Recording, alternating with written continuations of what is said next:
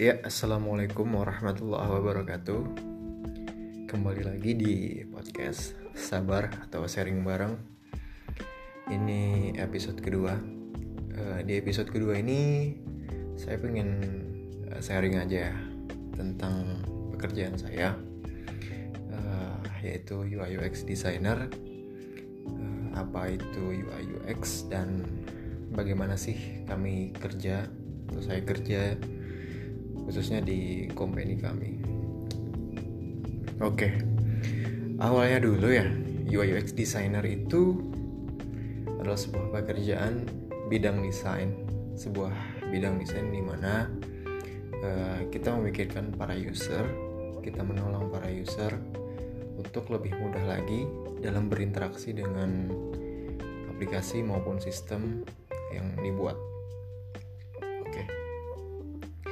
Contohnya aja, ketika kita ingin membuat sebuah aplikasi ataupun sistem, kita pertama-tama melakukan research dulu, kita melakukan uh, penulisan details apa saja yang kita butuhkan, uh, proses bisnisnya seperti apa, kemudian kita buat sebuah user persona yang mana itu adalah user-user yang akan menggunakannya ataupun mungkin eh, user-user yang familiar dan pernah melakukan sebuah proses bisnis terhadap itu.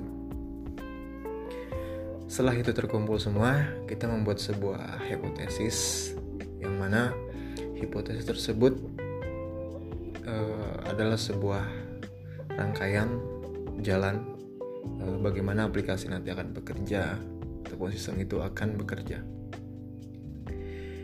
Nah, banyak di sini uh, orang-orang yang masih belum mengerti tentang uh, eh, UI UX itu sendiri. Dalam artian gini, banyak uh, kamu UI UX, kamu harus fokus ke UI. Dalam artian, ketika aplikasi tersebut terlihat bagus, orang bilang uh, ini adalah UI UX yang bagus. Enggak, bukan seperti itu jadi uh, eh, UI dan UX itu adalah dua hal yang sangat berbeda. Yang mana uh, eh, UI itu sendiri adalah berkenaan dengan interface, uh, singkatan dari user interface. Yang mana itu adalah sebuah ilmu uh, untuk meletakkan sebuah layout dengan baik dan terkesan estetik. Kemudian UX adalah user experience adalah bagaimana cara menggunakannya atau bagaimana value yang didapat oleh user ketika menggunakannya. Uh, saya sering menyebutnya sebagai sebuah mobil sih, analoginya sebuah mobil ya. Ketika kita lihat sebuah mobil, hmm, tentu dari luar kita lihat penampilannya seperti apa dulu. Misalkan mobil sedan, uh, mobil sport ya. Nah itu uh, itu adalah UI-nya itu adalah tampilan luarnya kita melihat wah ini keren. Nah cara mengendarainya itu adalah UX apakah itu menurut anda nyaman atau anda orang yang kidal misalkan anda tidak nyaman dengan sesuatu hal yang ada di sana? Nah itu adalah merupakan sebuah UX nah mungkin dapat diterima ya analoginya ya. Oke. Jadi singkatnya adalah UI itu adalah sebuah gambaran dari luar dan cara menggunakannya adalah UX seperti itu. Dan banyak juga orang yang uh, masih belum bisa membedakan antara UI UX dan graphic designer. Uh, yang mana ketika aku bilang eh, kamu kerja di mana lih? Aku kerjanya di UI UX uh, orang bilang uh, bikinin aku logo dong terus bikinin aku animasi dong. Uh, sebenarnya ya bisa bisa saja. Cuman uh, lebih tepat untuk graphic designer. Perbedaan yang paling mencolok adalah uh, ketika menjadi UI UX itu lebih uh, bersinggungan dengan para usernya langsung. Uh, bagaimana kita membuat user nyaman? Kita ini sebagai apa ya? Sebagai perantara atau mediator untuk menolong user tersebut agar si user merasa uh, mudah dalam menggunakannya menggunakan barang tertentu maupun aplikasi ataupun sistem. Sedangkan graphic designer itu lebih uh, lebih menuju kepada logo kemudian animasi. Uh, setahu saya loh ya. Setahu saya. Jadi dua hal itu dua pekerjaan itu merupakan pekerjaan yang sangat berbeda. Uh, selanjutnya mau sharing tentang gimana sih kerja sebagai UI UX apakah kita harus handling langsung terhadap klien? Saya rasa sih uh, ada ada juga seperti itu. Tapi uh, bagusnya UI UX bisa dipecah lagi menjadi beberapa sektor uh, pekerjaan lagi. Contohnya seperti UX researcher kemudian UX writer kemudian UI designernya kemudian ke brand strategi juga harusnya bisa di pecah-pecah lagi agar lebih fokus dan lebih baik.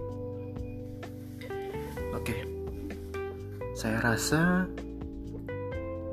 uh, ketika orang menjadi seorang UI UX designer uh, itu merangkap semuanya, merangkap dalam artian uh, kita riset sendiri, kemudian kita bikin writingnya sendiri, uh, brand strateginya sendiri dan kemudian kita mendesain layoutnya sendiri.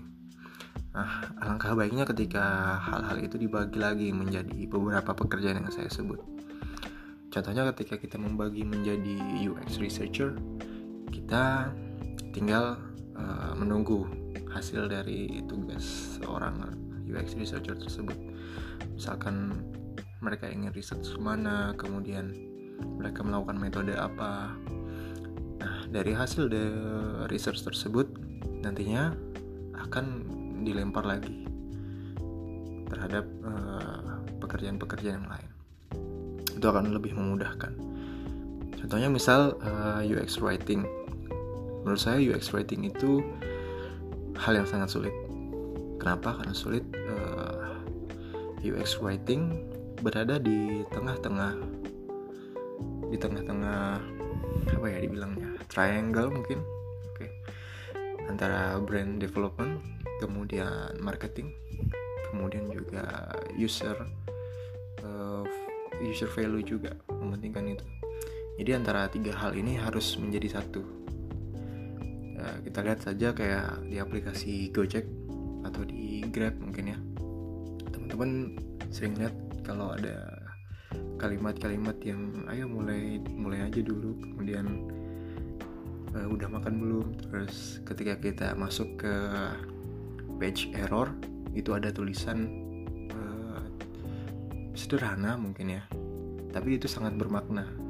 Uh, kita lihat tulisan 404 misalkan. Nah kemudian ada ada arahan lagi untuk si user untuk menuju ke suatu page. Nah itu sangat menurut saya sangat sulit karena kita juga harus bermain di antara tiga triangle tadi.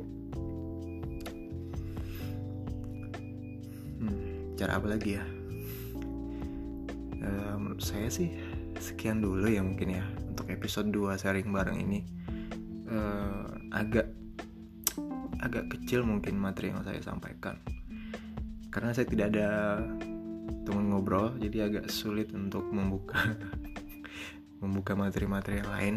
Uh, mungkin ke depannya episode yang lain-lainnya saya akan cari teman ngobrol agar biar bisa lebih lama lagi ngobrolnya. Untuk episode ini saya cukupkan sampai di sini. Kalau ada salah kata mohon maaf. Uh, ini sepengetahuan saya saja. Dan saya tahu saya masih harus banyak belajar lagi. Uh, kalau bisa ada masukan dari para listener saya sangat mengharapkan itu oke okay?